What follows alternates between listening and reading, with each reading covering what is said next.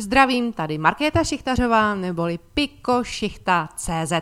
Někdy mám pocit, že jsme ekonomikou blesku z čistého nebe.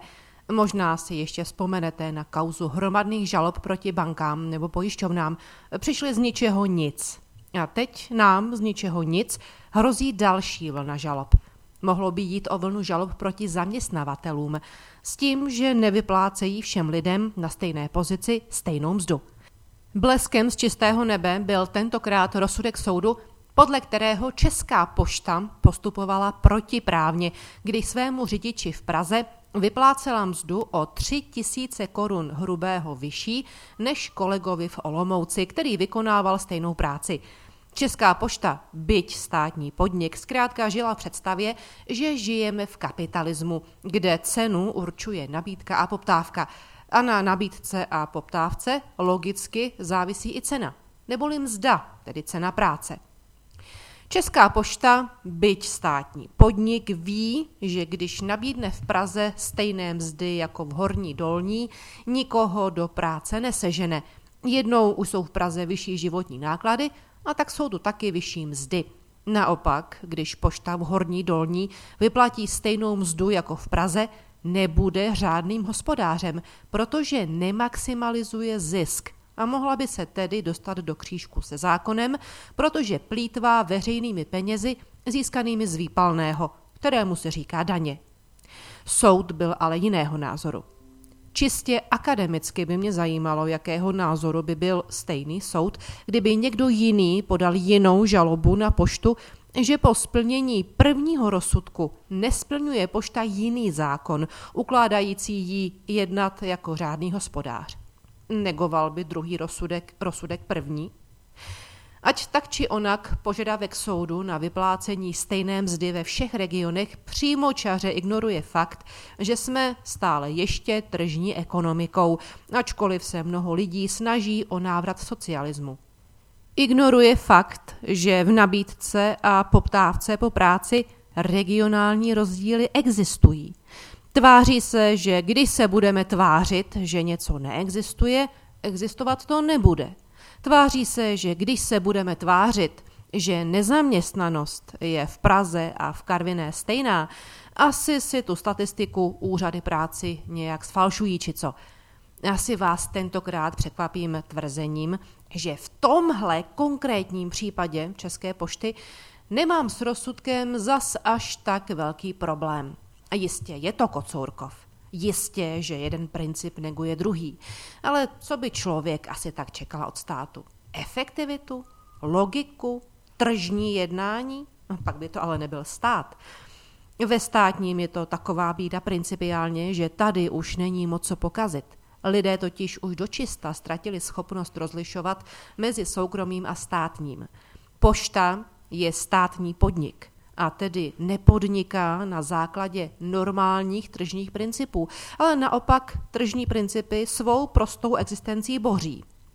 Chtít po státním podniku, aby platil v každém regionu jiné mzdy, je sice z tržního pohledu výsostně logické, ale taky je to asi jako chtít po Ministerstvu práce a sociálních věcí, aby v každém okrese vyplácelo jiné dávky v nezaměstnanosti nebo jinou rodičovskou podle velikosti tamních životních nákladů.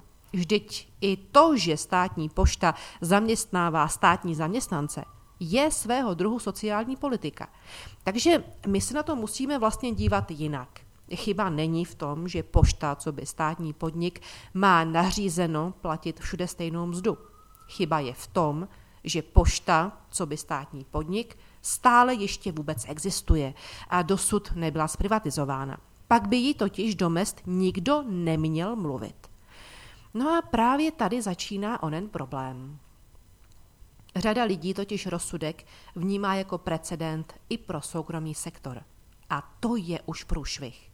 Hospodářská komora proto už vyzvala zaměstnavatele, aby zkontrolovali svou stávající mzdovou strategii. Najednou se lec které firmy lekly, že možná nevědomky nedodržují zákon.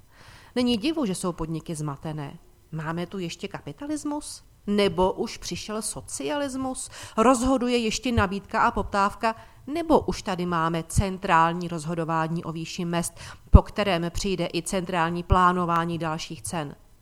Někomu by mohlo přijít třeba nespravedlivé, aby v Olomouci měli stejné mzdy jako v Praze, ale nižší nájmy.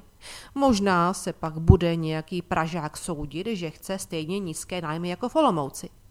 Tohle by tedy nebyl precedent jenom pro zaměstnavatele. Jakmile se jednou začne, zločinná rovnostářská ideologie se rozlije po celé ekonomice. Zástupci podniků proto chtějí zpřesnění zákona. To ale znamená zase víc byrokracie. Zákony by měly být jednoduché a jasné všem.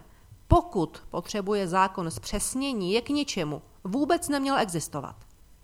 Je to další klacek pod nohy podnikatelskému sektoru. Pokud začneme vyplácet všem stejnou mzdu, bude trh nepružný až hrůza. Nikdo se nebude snažit. Proč by to dělal?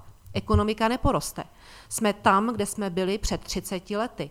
Rovnostářství ovšem nefunguje. Rovnostářství je cesta k neefektivitě a chudobě. A teď taková perlička. Pokud má zaměstnavatel zájem zohledňovat u svých zaměstnanců životní náklady, jímž jsou tito zaměstnanci vystaveni, měl by využívat jiné nástroje realizované mimo vlastní mzdu, jak kompenzovat zvýšené životní náklady v určitých regionech, aniž by docházelo k neodůvodněným diferenciacím ve mzdách. No tak tohle je věta hodná politika. Hádejte, kdo ji pronesl. No, taky ji po rozhodnutí soudu pronesl prezident hospodářské komory Vladimír Dlouhý, tedy politik.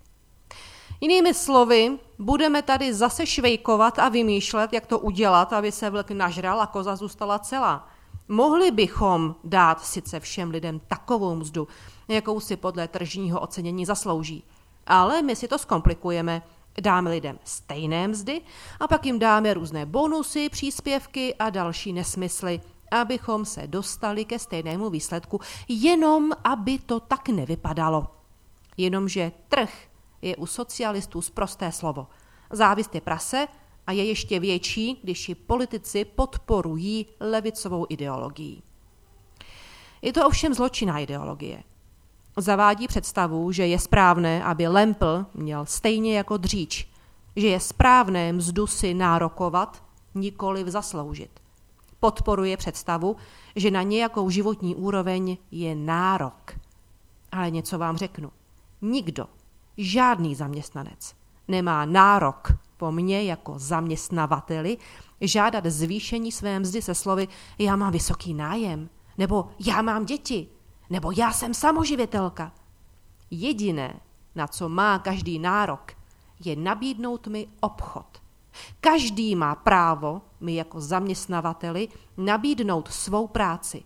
A pokud se dohodneme na ceně práce, která bude nižší, než jakou hodnotu má pro mě nabídnutá práce, máme právo obchod uzavřít a podepsat pracovní kontrakt. Nic víc, nic míň. Jak prosté. Jak průzračné a jak morální.